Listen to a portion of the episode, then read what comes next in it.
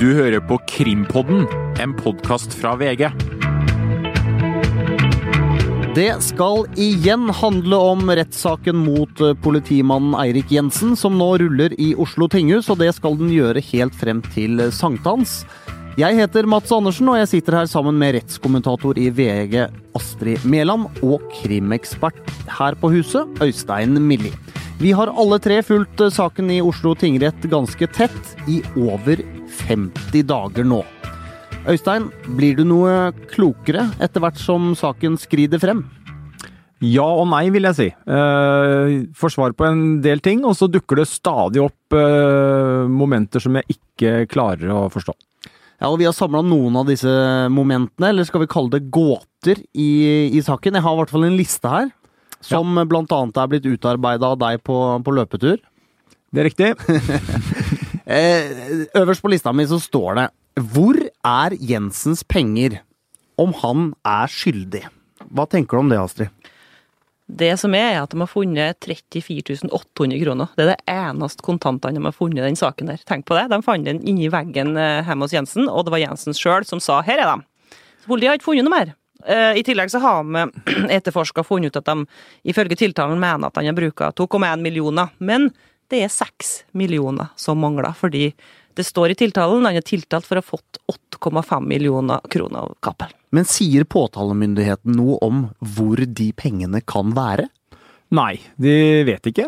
Eh, og det er jo en eh, det kan selvfølgelig være en forklaring på at de pengene er eh, lagt et sted som eh, ingen eh, andre enn noen få vet om, men Kan være gravd ned? Kan selvfølgelig være gravd ned, kan vel ligge en annen gjemt innpakka i noe. Men, men jeg syns det er et problem for påtalemyndigheten, fordi at man man har ikke noen uh, forklaring på um, Det er ingenting som tyder på at Jensen har hatt alle disse 8,5 millionene. Én uh, ting er jo kontantene de aldri fant, men det er heller ikke noe i hans livsførsel for øvrig som heller minner om det. Så det er, jeg vil si at det er et lite sånn akilleshæl for påtalemyndigheten. At, at etter regnestykket, og hvis tro Cappelen, så er det 8,5 millioner, og så finner man bare smuler av det. Og man finner da selvfølgelig en overforbruk i en analyse som som man kan mene er et sterkt bevis, men det mangler jo som Astrid sier seks millioner også der, da. Og så er det ikke det at de ikke har sett etter heller, for det her er det med liksom spader til 183 kroner og tryllebår og tilhengere. De har gått gjennom hele hans forbruk fra 2004 det vel, og tiår framover. Og um, alt det med som de har funnet som han har brukt penger på. Hva med Cappelen, da? Cappelen har jo tjent helt utrolig mye penger på hasjsmugling. Mm. De, eh, politiet har jo ikke funnet veldig mye penger hos han heller? Nei, det tror jeg helt uh, klart. Jeg tror det, Aktor sa vel det i innledningsforedraget at det er naivt å tro at han um, har sagt sannheten om det. Han sier han har brukt dem opp på, på sløsing og på dårlige investeringer i forretningslivet. Men, eh, men i, i, jula vet du, så ble en av ligamedlemmene til Cappelen eh, tatt eh, helt tilfeldigvis på et hotell i Trondheim.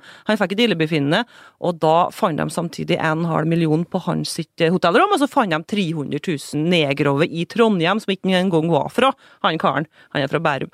Så det tyder jo litt på at det, det finnes rutiner for å gjemme penger i den ligaen her. Øystein Milli, hvor er penga?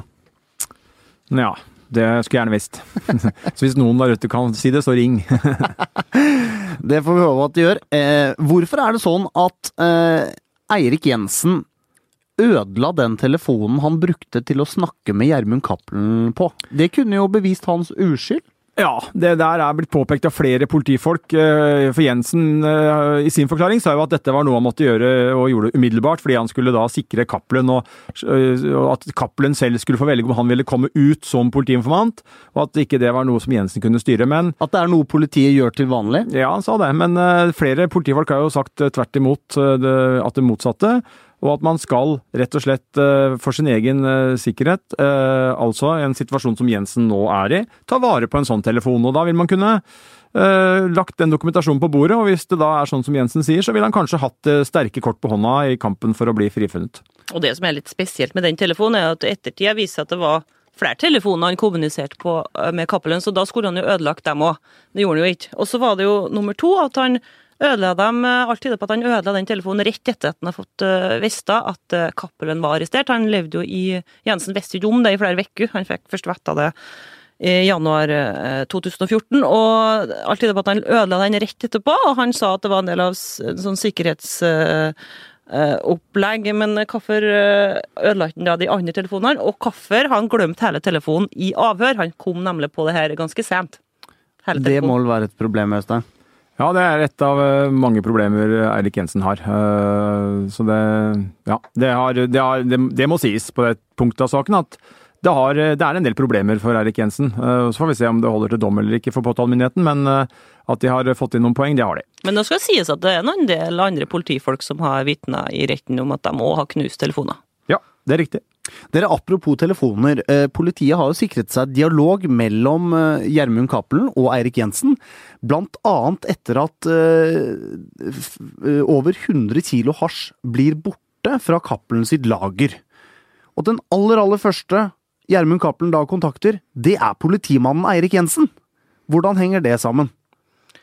Det er det mange som har vitna om. Flere politimenn som har vitna om i retten og sagt at det forstår ikke de noen ting av. fordi at eh, han skulle jo eh, liksom være informanten til, til Jensen, Cappelen, og hvorfor skal han da ringe en politimann og fortelle om et innbrudd på hasjlageret? Altså, Jensen har jo ikke engang sagt, vil ikke innrømme, etter mitt skjønn, da, at han vet at Cappelen var storkriminell på hasj. Så hvorfor skulle han avsløre at han drev med sånn kriminalitet?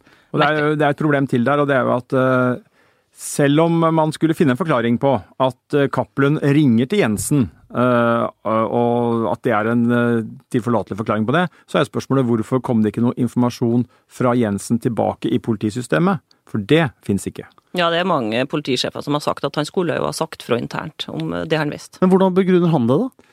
Det har han vel ikke begrunna, han har vel ikke fått akkurat det spørsmålet. Eh, og det er jo litt sånn Det er han kanskje glad for, eller? Eh, Det kan tenkes, og det er jo litt sånn eh, svakheten med kanskje den opplegget i en rettssak, da. At de tiltalte forklarer seg jo først. Og så kommer det, i denne saken var det 200 vitner etterpå. Og så blir man ikke på en måte alltid da stilt de spørsmålene som dukker opp eh, på bakgrunn av vitneførselen. Så det er jo en liten sånn eh, Men Altså, sånn er det nå. Det er en liten detalj her da, som Jensen hele tida hevder. Han har hevda at Cappelen aldri fortalte at han var utsatt for innbrudd. Cappelen fortalte at det var en kompis av han som var utsatt for et innbrudd, og at han søkte informasjon for å finne ut hva som sto bak det hasjinnbruddet hos den ukjente kompisen. Men det ville jo vært en fordel da, om det hadde ligget et eller annet sted i et politisystem, eller vært eh, rapportert til en eller annen i politiet, at nå er det 100 kilo hasj på avveie, det har vært et tyveri, tror vi, internt i eh, hasjmiljøet, nå er det uro der ute. La oss komme ut, få opp ører, få opp øyer. Vi kan hente informasjon nå, kanskje kan vi også få tatt noen, eh, for nå, for nå er det bevegelse i hasjligaen. Den informasjonen kom jo aldri til politiet. Det er mye rart i politiet, må jeg si. Eh, Det, er jo eh, sånn at det har vært varsler om Eirik Jensen, stadig vekk, om at han har vært en, eh, en møkkete politimann, som, eh, som det kalles. Hvorfor, hvor, hvorfor skjer det ikke noe med den informasjonen der? Ja, det er, jeg vil si at det er kanskje Noe av det som har overraska meg mest i denne saken, her, er eh, det innblikket vi har fått i et politisystem som er veldig vanskelig å forstå. fordi at det, det kommer politifolk og sier at Jensen hadde et grusomt rykte. Alle visste at han hadde et usunt forhold til Cappelen. Så kommer det sjefer som har hatt Eirik Jensen som sin medarbeider i over ti år, og står fortsatt og sier at det er ikke snakk om at han er skyldig. Eh, De har aldri hørt noe negativt om Jensen i denne retning. Det kan være noen småting om at han har vært for mye opptatt av operativ og for lite eh, i forhold til det administrative, og kanskje vært litt, en litt sånn eh, praktiker, ikke en teoretiker, i sin utøving av politiyrket, men ikke noe som ligner på disse vanvittige anklagene han er eh, tiltalt for. Og det må jeg si er eh, fortsatt helt uforståelig. Som mangeårig sjef til eh, Eirik Jensen, Einar Aas, vitna jo i, i sal 250. Fortalte at eh, Eirik Jensen var en, en møkkete politimann. Ryktene om det, det gikk, alle visste det. Og så kommer det en sjef til som ikke har peiling. Jeg skjønner ikke. Nei, det er riktig, og det som er veldig rart også, er jo at eh, Einar Aas sier at han varsla politimesteren i Asker og Bærum om mistanken til Jensen, mot Jensen. Uh, og vi har jo ettergått det her i VG, og uh, det er jo tydelig at denne varselet har jo ikke nådd fram da til Oslo. Det stopper opp på veien, og hvorfor gjør det det? Hva er årsaken til det? Det må jeg si er, og det er, det er veldig alvorlig hvis man har så konkrete mistanker som Einar Aas hadde til, til, til Eirik Jensen, om at han er en korrupt politimann og lekker informasjon og er på lag med de kriminelle. Hvis sånne varsler stopper opp i politisystemet av en eller annen for meg ukjent grunn, så er det veldig, veldig alvorlig. Det er eh, rett og slett eh, stor, stor samfunnsmessig risiko vi løper hvis det er systemet vi har, har rundt oss. Jeg syns det er litt vanskelig å tro at, eh, at, folk ikke har hørt om det. Jeg vet jo hvordan det er å jobbe på en arbeidsplass. Det går rykte. Og det er folk i samme avdeling, på samme avsnitt, folk som har møttes og snakka om det som vitner helt forskjellig om ryktet til Jensen. Det var vel Iver Stensrud og Einar Aas som har fortalt om det samme møtet, der Iver Stensrud, altså en tidligere sjef av Jensen, forteller en helt annen versjon om at det var litt problem med Jensens administrative evner og sånn, mens Aas forteller om det samme møtet, at det var, der var tatt opp at Jensen hadde et møkkete rykte, og Einar Aas sa at han spor Stensrud til råd, så man kunne ansette den. De har helt forskjellige oppfatninger av det møtet, og det kan jeg ikke forstå på noen annen måte enn at det i dag, i ettertid, er veldig sånn ubehagelig å bli klistra til Jensen i dag. Ja, og det er jo veldig påfallende at uh, da Nordgarden og Stensrud sier jo at det var veldig lite klager mot Jensen. Mm. Så kom Einar Aas, tok over uh, jobben da etter hvert. Uh, og og både han og da den nye SO-sjefen, begge de sier at det var nærmest beskriver for litt tabloid, da, nesten en kø av klager, folk som skulle klage på Jensen utafor kontordøra i det øyeblikk han tiltrådte stillingen. Det er altså da øh, forskjellen her. Noen sier at de har knapt hørt en klage på Jensen, og så kommer det et nytt sjefsregime og sier at det har vært en storm av klager mot Jensen, og det er veldig rart. Det er altså han øh, samme politimannen altså han som fikk betrodde, høyt betrodde oppgaver. Han, et, han jobba i et prosjekt som er hemmelig, som har noe med rikets sikkerhet å gjøre, helt fram til 2011, var det vel. Og han ble også satt inn som sjef i eh, en uh, avdeling i Oslo-politiet. Men, men, jeg bare må svinge innom litt der, Mats, en liten digresjon. For det, vi, ser, vi, må se det store bildet her òg, ikke sant. Altså, uh, og det mister vi kanskje litt, da. Det er jo en helt absurd situasjon. Vi sitter altså i en rettssal, uh, 250 i Oslo tingrett. Der sitter Eirik Jensen, som Astrid sier, en politimann som er dekorert, for å bruke det uttrykket, og som har fått i oppdrag av Riks, Riksadvokaten og har vært involvert i et topphemmelig prosjekt som det er så for, strengt fortrolig at det er ikke lov å spørre om det, det er ikke lov å snakke om det. Uh, Selv ikke forsvarerne til Jensen får vite noe om det? Nei, det er helt lokka ned, og det er eh, stempla så uh, hemmelig som det overhodet er mulig i dette landet. Vet du noe om det, Øystein? Uh, ja, det gjør jeg, men det kan jeg jo ikke si. jeg vet noe om det, tror jeg, men jeg veit ikke om det er sikkert det jeg veit. Men jeg, ja, jeg vet noe, tror, tror jeg. Men, men jeg, men, det, men jeg syns ikke det er riktig å publisere det her og nå, i hvert fall. men det at vi har en sånn situasjon, at en politimann som både skal ha hatt den tilliten Eh, som er helt enorm, og, og ledet dette her. Og så skal vi samtidig han være eh, da etter påtalemyndighet altså, gjennomkorrupt. Um, det, er jo, det er jo Og det ryktet skal ha gått siden begynnelsen av 2000-tallet. Her snakker vi om over ti år. Og likevel skal han fått det oppdraget av Riksadvokaten, mens andre deler av politiet sier at alle har visst i alle år at Jensen har vært skitten. Det er uh, Og det er klart, uh, nå er vi litt over halvveis. Uh, og jeg må si en ting til før vi går videre på lista, Mats. og det er jo Altså, jeg begynner jo å tenke nå, hva blir utfallet av denne saken? Uh, og jeg tenker uh, Blir du mer og mer i tvil? Uh, jeg er i hvert fall veldig i tvil om, om, om, man Ja, det vil jeg si. Det er, det er, det er en sak som er uten fellende bevis. men hva skjer?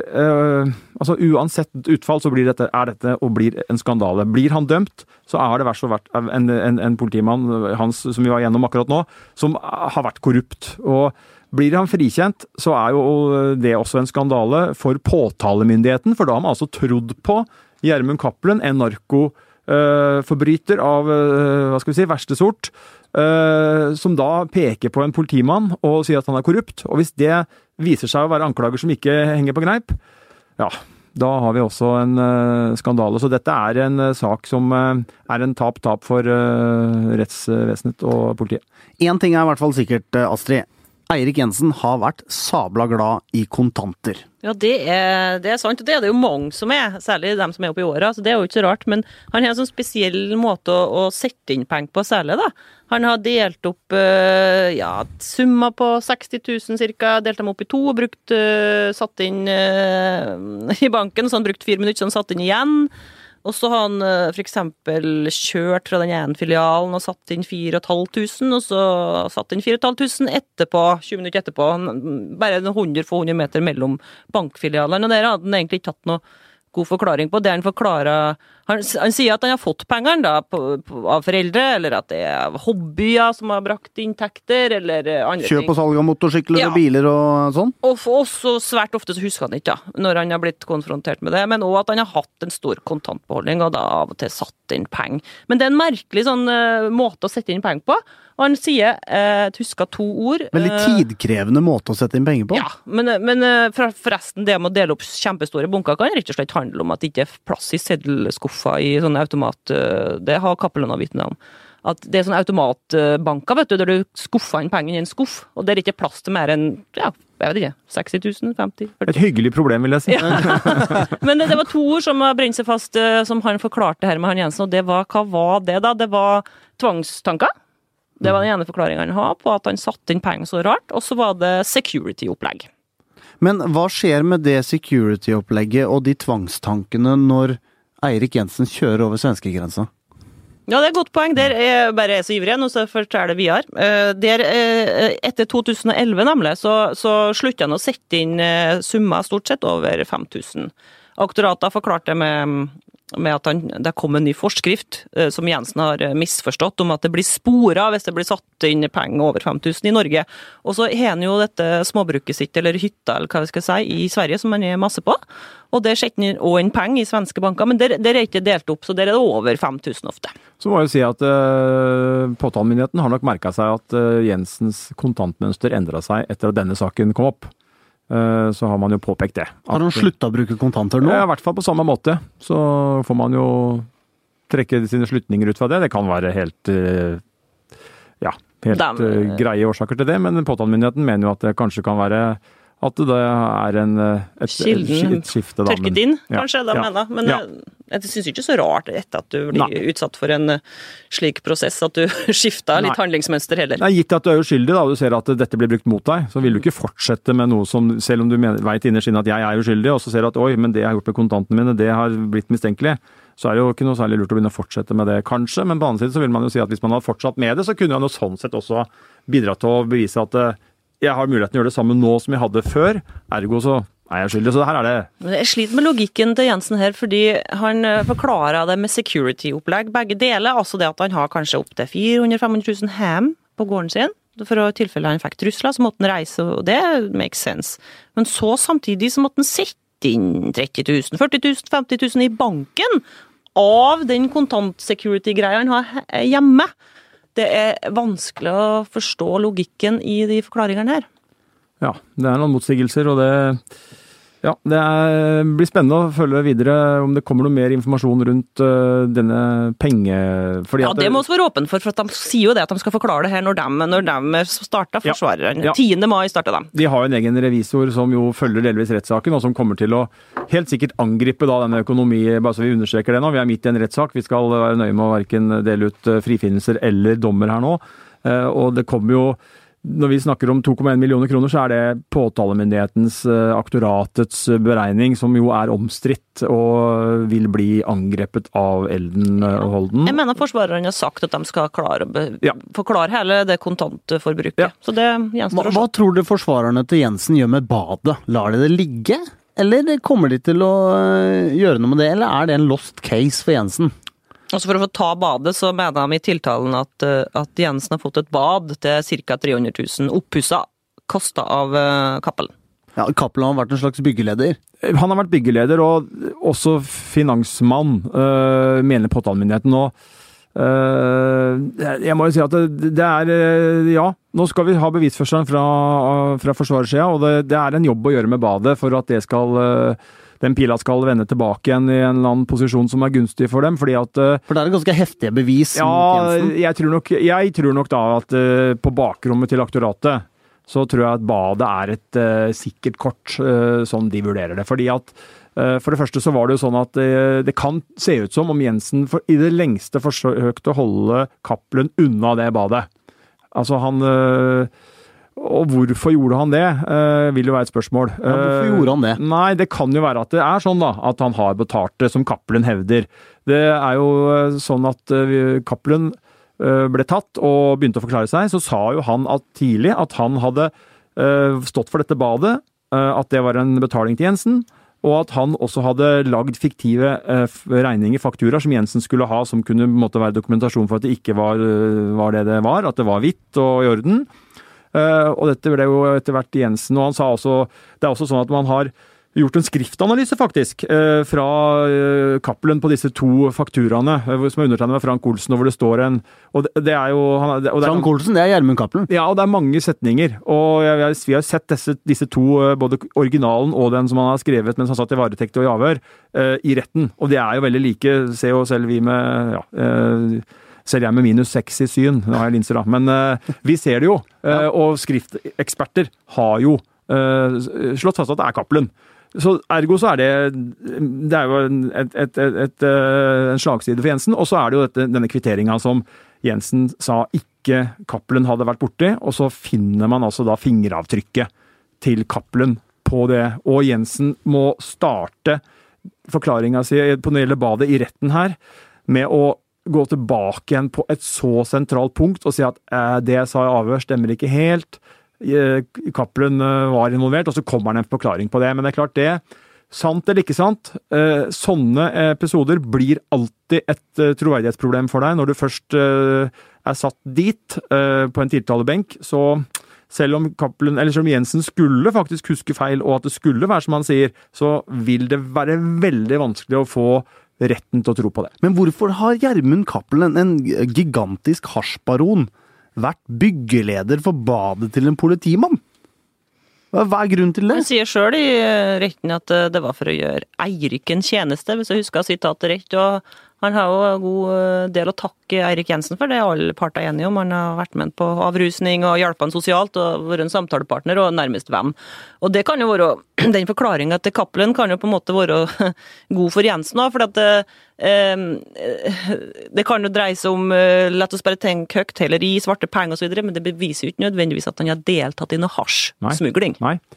Nei da, og man kan, man, man tenker sånn, så kan man tenke at selv om man skal komme til at Cappelen har betalt det eh, badet, så kan man jo dømme da Jensen for grov korrupsjon. Men, eh, Men ikke for innførsel av 14 tonn hasj? Det er en lengre vei å gå, ja. Så ja. dette er jo det, det, er ikke sånn at det blir enten, bør ikke nødvendigvis bli enten en frifinnelse her eller en dom på hva skal vi si, 20-21 år, eller hva det blir hvis man påtalemyndigheten skulle få fullt gjennomslag. Det kan bli en mellomting også. Uh, men det, det kan bli noe helt annet enn det tiltalen går på? Eller, ja, det kan det også. Man kan eh, falle ned på mer sånne mindre alvorlige poster. Sånn at, men, men, det som er med badet, er jo at det er jo også et problem for, for Jensen kanskje da, at Cappelen har jo tegna huset og på en måte han har gitt ganske mange I sum, da, må jeg si at vi har hørt omfattende bevisførsel rundt badet, så er det jo Eh, en sjanse for at dommerne kommer til å legge til grunn at Cappelen har betalt det, og at Cappelen har vært sentral, og at Jensen har holdt hans rolle skjult, eller forsøkt å holde den skjult. Og at uh, man kan, man kan det er, det er en, Dommerne kan komme til en sånn konklusjon. Man kan se det for seg men man kan også tenke seg at man sier at det er for mye tvil her, for det, det er det jo i veldig mange svinger av denne saken. Og så er det et mysterium med det badet, da, ikke sant. Eh, det kunne vært oppklart så lett hvis bare et par vitner har kunnet forklart seg. Men sånn er det da at ekssamboeren til Jensen, som han pussa opp badet med, hun eh, nekta å forklare seg i retten. Hun var der, men hun nekta å forklare seg.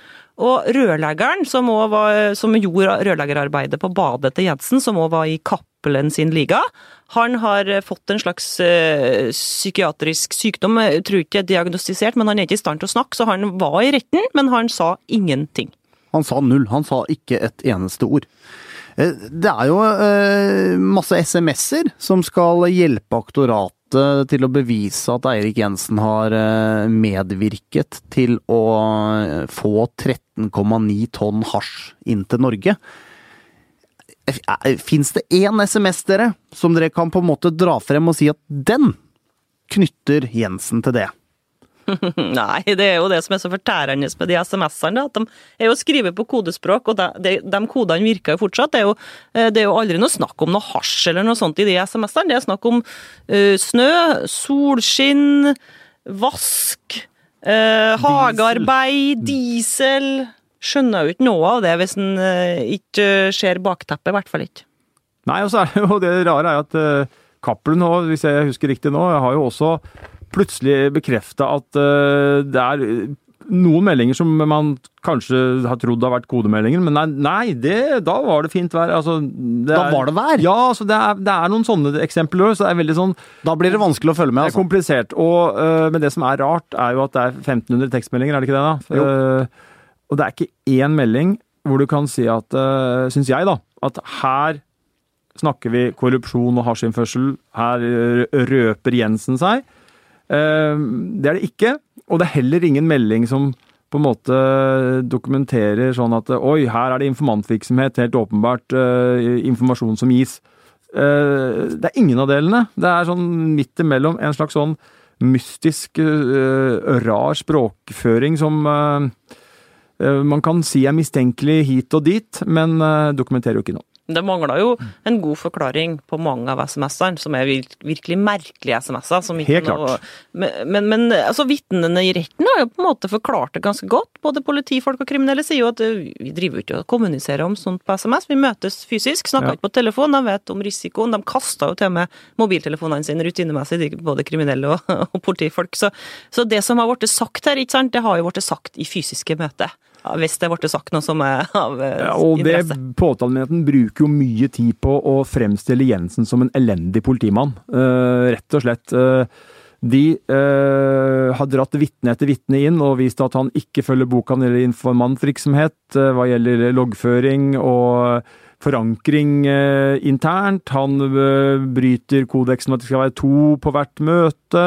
Han bryter kodeksen om at du skal eh, eh, sørge for eh, notoritet. eh, Han er jo ikke tiltalt for å være en dårlig politimann. Nei, men eh, det blir han jo framstilt som så det holder eh, av en del vitner. Og så er det også her, da, andre som har hylla ham så han jo tok til tårene eh, under et vitnemål. Man har jo fremstilt Jensen da som en kjempebra politimann, og andre kommer jo og sier at han har et grusomt rykte. Så det er, altså det er noen steile fronter her som er helt uh, ufattelige. Så er det jo litt mystisk det da, at eh, Jensen ikke har skrevet opp mer, for det er jo regelen at du skal notere etter et møte med en informant. Hvis han har gjort det i alle de årene her, bare litt, så kunne det mye vært løst for han, for da ville du kunne gått tilbake de loggene og si jo, det her var et møte med Cappelen, jeg fikk den og den og den og den informasjonen, eh, greit.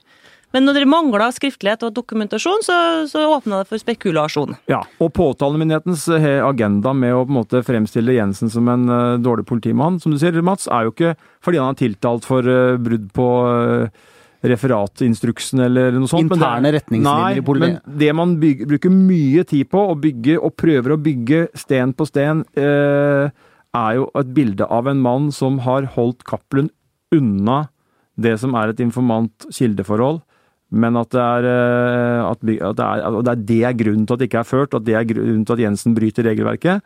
Ikke at han ikke har noe Det er ikke at han ikke syns regelverket er, eh, er brukende, men det er fordi at han Cappelen og han holder på med noe annet. Det handler ikke om politiinformantsamarbeid, politi-informant-samarbeid, det handler om eh, to kriminelle. Men hvis du, som det er så mystisk, for hvis du virkelig er utspekulert og driver med det som eh, Jensen er tiltalt for, altså hasjsmugling og korrupsjon, hvis du virkelig, da ville du jo vært litt nøye på å sikre det, sånn at det ikke ville oppstått mistanke og misnøye om slike ting, tenker jeg bare høyt her nå. Ja, det- bare, ok, hvis det ikke var noe informantmøte, kunne ikke i hvert fall notert noe om at det var det? Ja.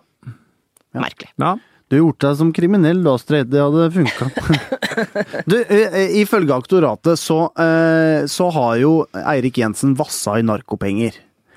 Har det kommet til syne på noe vis? Jeg vet du hva eneste jeg kan huske som har blitt vist fram i retten, er vel noe klokka men de, ja, og, og et gull, tjukt gullkjede som kanskje skal, var det 30 000 det kosta i Tyrkia. Noe sånt. Noe sånt. Ellers så er det jo helt, eh, helt vanlige klær. Bilene har blitt framheva mange ganger som helt ordinære, kanskje til og med litt, eh, litt dårlige og billige. Ja, ja. Og husene er helt ordinære. altså Det er ikke noe luksus- eller statussymbol som jeg har i hvert fall fått øye på. Kanskje noen motorsykler, men det er jo ikke noe. Jeg tror ikke det er noe all verden heller. Ja, Det, ikke, det tror jeg påtalemyndigheten er nøye med å få fram hvis det var tilfelle, hvis han kjørte rundt i dyre biler eller dyre motorsykler, men det er ikke det. Det er mer en sånn eh, Det er slitte olabukser og hestehale og en, eh, og en hettegenser. Han dropper frisør til og med. Ja, og det er ikke noe dyre klær, det er ikke dyre vaner. Altså det er, og det er noen ferieturer som jeg vil si er helt normale for en sånn middelklasseinntekt. da. Du reiser til Syden en tur, eller altså det er, Jeg husker er, samboeren, eller eks-samboeren, hun ble jo avhørt om det. Det ble jo avspilt i retten, det avhøret med henne, siden hun nekta å forklare seg. Hun sa at det, i den grad Eirik har noen fine klær eller fine ting, så var det jeg som kjøpte dem til han. Det må jo være et problem for aktoratet. Ja, det, det er jo ikke det, stå, det er jo ikke en politimann som uh, man får inntrykk av å ha hatt uh, da var 8,5 million kroner uh, i tillegg til vanlig politilønn. Da. Vi må jo huske det òg. Det, det er jo først vanlig lønn, og så skal han da over denne perioden hatt 8,5 millioner ifølge Cappelen. Eller for så vidt også to millioner ifølge påtalemyndigheten. Det, også de to millionene er jo vanskelig å se, selv om selvfølgelig jeg, altså, Det er ikke tvil om at du kan alltids eh, ha en eh, flom med penger inn i privatøkonomien din som ikke kommer til å bli synlig. eh, litt avhengig av livet du lever, selvfølgelig, så vil det alltid kunne være mulig å altså, Kommer det 10 000-15 000 inn i måneden, så skal man jo alltids klare å Vil ikke det være synlig, da. Men her er det mye mer enn det. Men la oss leke med tanken om at Eirik Jensen jobba i politiet, sjekka ut eh, grenseoverganger og hjalp til for, å, for at eh, hasjinnførselen til Cappelen skulle være sikker. At han ikke skulle bli tatt. Hvis vi legger det til grunn, hvor god jobb har Eirik Jensen egentlig gjort da?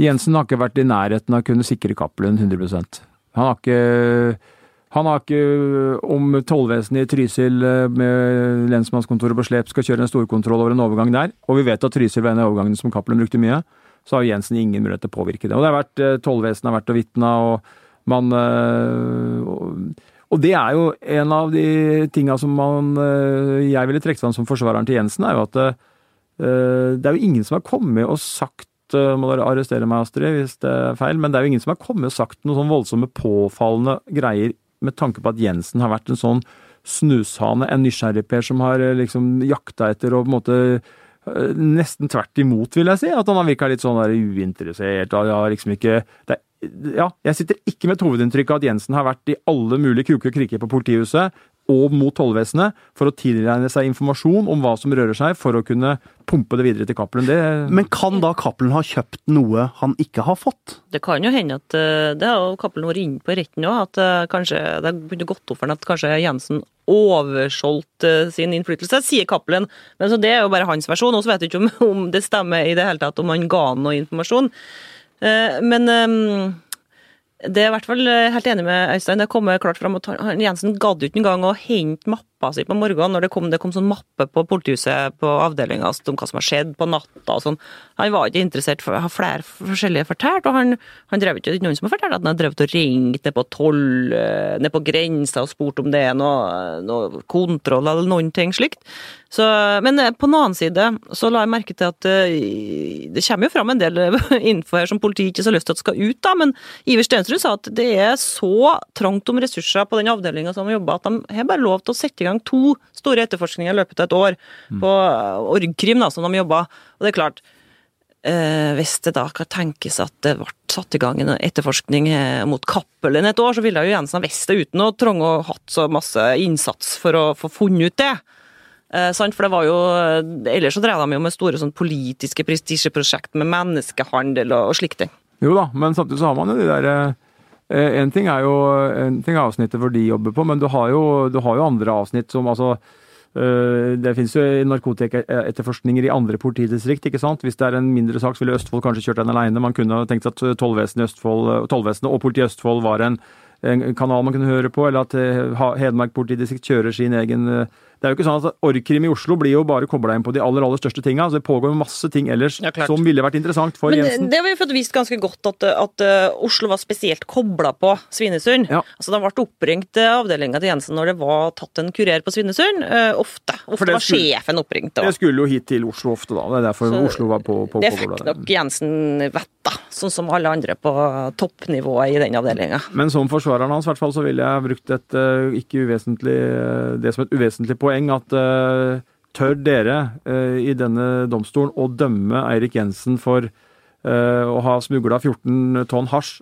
når dere vet hvor lite interessert han har vært i informasjon. hvor En mann som ikke henta mappa si, en mann som ingen har kommet og sagt har vært en påfallende interessert fyr som har blanda seg opp i ting som det, det har man jo ikke, og det er jo et poeng. Og så kan man jo si at, som påtalemyndighet kanskje, si at nei, men det var jo veldig lurt å ikke gjøre det sånn, for da har man det Altså, det er Man kan snu det da hele tida, og bruke det til sin fordel. Cappelen fikk vel bare tre laster stoppa i hele sin karriere på sju år. Eh, og Det, er jo, det høres jo kanskje litt mystisk ut, men det er jo bare ren statistikk. Det, det har vært tollere nede på tingretten fortalt hvor få laste, få biler de egentlig stoppa i løpet av en dag. Prosenten er veldig lav. Ja, Det er nesten utrolig at de gidder å holde på på grensa der. Det er, er Ja, ikke så heldig heldig kommer ut, men Nei, men samtidig så må jeg si at det er en ting som er bare lite, lite sånn sidespor som jeg syns er morsomt. og det er jo det er han tolleren som var i retten og, og sier at han satt nede i Sverige i en eller annen bil og observerte, da. Så hvis, hvis, han, hvis han fortalte hele sannheten, jeg forsto han rett, så, så han jo plutselig en fyr da som kom kjørende med en bil. Og Han så veldig nervøs ut og ble da et target for dem. og De stoppa han på Svinesund når han kom dit. ikke sant? Han varsler inn til Svinesund. Det kommer en sånn og sånn bil med den og den dørt. Stopp den. De gjør det. Der sitter en fyr da med, ja, godt i april på den tida her, eh, med slalåmski og skal til Sande i Vestfold på slalåmferie. ute av snø. Eh, ikke sant? Eh, og så Dette høres jo ikke så bra ut. Eh, det var rart. Og så blir jo han da avslørt, ikke sant. Eh, så eh, ja. Jeg tror de er utrolig gode på etterretningsbiten i tollvesenet. Altså, jeg tror ikke vi skal spre noen forhåpninger ut om at eh, Men grensen er åpen. Også du hadde fått mistanke eh, til en fyr med slalåmski i april, eh, Øystein. Ja, nå syns jeg du overvurderer meg litt, men eh, jeg burde kanskje fått det. Men det aktoratet har jo et problem her, for at de har bare den eneste hendelse vel, som de prøver å vise at Jensen hjalp Cappelen, og det var da for, på 90-tallet, da de stoppa en, en transport på Svinesund, og så fikk de overtalt kureren til å mm, late som ingenting og møte Cappelens mann i Oslo, så de hang på, spanerne hang på bilen, og så skulle de møte Cappelens mann i Oslo. Cappelen fortalte jo om det her tidlig. Eh, Det er liksom Hotell Bastion-saken som aktoratet prøver å legge fram, men det er liksom ikke helt i mål der heller, ikke sant? Men politiet ligger på hjul, bli med inn til Hotell Bastion. Cappelens mann skal ta imot hasj. så kom ikke noen. Og det mener de beviser at Jensen ga eh, Cappelen beskjed. La være å møte. Altså, det var ikke Cappelen personlig, men mannen hans, da. Eh, og det møtte ikke noen. Men så, så har det jo retten etterpå kommet fram at, eh, at han der kureren han lurte jo antagelig politiet, eller spanerne, for at han sa jo at de skulle møtes på på feil plass, ikke sant? så de sto og venta utafor uh, Carvala, Oslo City lite grann, og så var det nede på rådhuset, var det det, og så til slutt så kom det liksom fram at det kanskje var på Hotell Bastion de skulle møtes, da. Så nei. Vet du hva, Denne saken her kunne jo vært eh, løst, og for så vidt ikke vart et halvt år hvis politiet hadde vært litt mer på i 2013, for da ligger det jo spanere fra politiet og ser at Eirik Jensen setter seg inn i bilen til Gjermund Cappelen. Og, og Eirik Jensen har til og med innrømmet at han har fått penger av Gjermund Cappelen da, det, for et billån, eller altså, han har en begrunnelse for det. Men politiet i 2017 eh, overvåker ikke de og avlytter ikke de når det trengs. Eh, jo, det kan du si, og det var vel eh, ja, Det var kanskje den gangen jeg i størst grad var nær ved å falle av den vonde benken jeg sitter på nede i tingretten. Det var eh, faktisk eh, da dette kom opp. Fordi at eh, denne, man visste jo på forhånd dette møtet, og vi har jo det, for lytterne så er det jo dette bildet av det er bildet av det. Cappelen eh, kommer med en BMW, Jensen går inn. Vi har publisert det i VG flere ganger. Og politiet vet det, fordi de overvåker tekstmeldinger. Ja. Ja. Uh, og så eh, sier jo da eh, Hvem var det, Astrid Moland, var det? Ja, i går så vitna Torstein Holand om det, en, en tidligere Ja.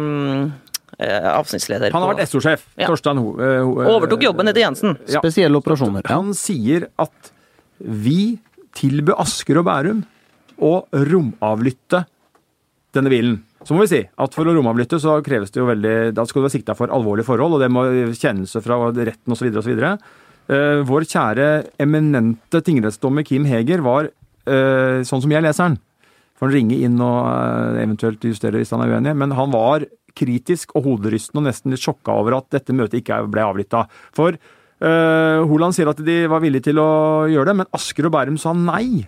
Det var Cappelen de etterforsket, altså det politidistriktet som vi har hørt om nå i ukevis, har visst at Jensen har vært skitten, og det har vært etter Jensen og Cappelen i 100 år, for anførselstegn. De skal uh, da ha sagt nei til å avlytte det møtet som kunne gitt oss, for alt vi vet, sannheten i denne saken. Eh, det som ble sagt i den bilen, hvis det hadde vært kjent, så hadde vi kanskje sittet med en slags form for fasit. Eh, Og noe kortere rettssak. ja, det kunne vært kortere enn noe. Kanskje ingen i det hele tatt. I don't know. Det er det som er problemet. Vi De vet ikke. Det er sant, De har 15 timer på seg, litt over 15 timer på å bygge den bilen. Det har politiet. For de avlytta jo hele greia, og så avtalte Cappelen og, og Jensen et møte dagen etterpå. Avtalte om 18. desember, så møttes de 19. desember. Samme, samme kvelden for forresten Cappelen arrestert, da. Så da var det over. Det var ikke noe mer mulighet for noe bugging etter det. Uh, og det, det har ikke vært noe, tror ikke noe stor teknisk jobb. Jeg tror dommer Heger til og med landa vel på et eller annet konklusjon om at de kunne klart å fått en rettslig kjennelse for å bugge den bilen. Ja, altså Jensen var jo ikke mistenkt eller sikta på noe på den, på den tidspunktet, men det var jo Cappelen.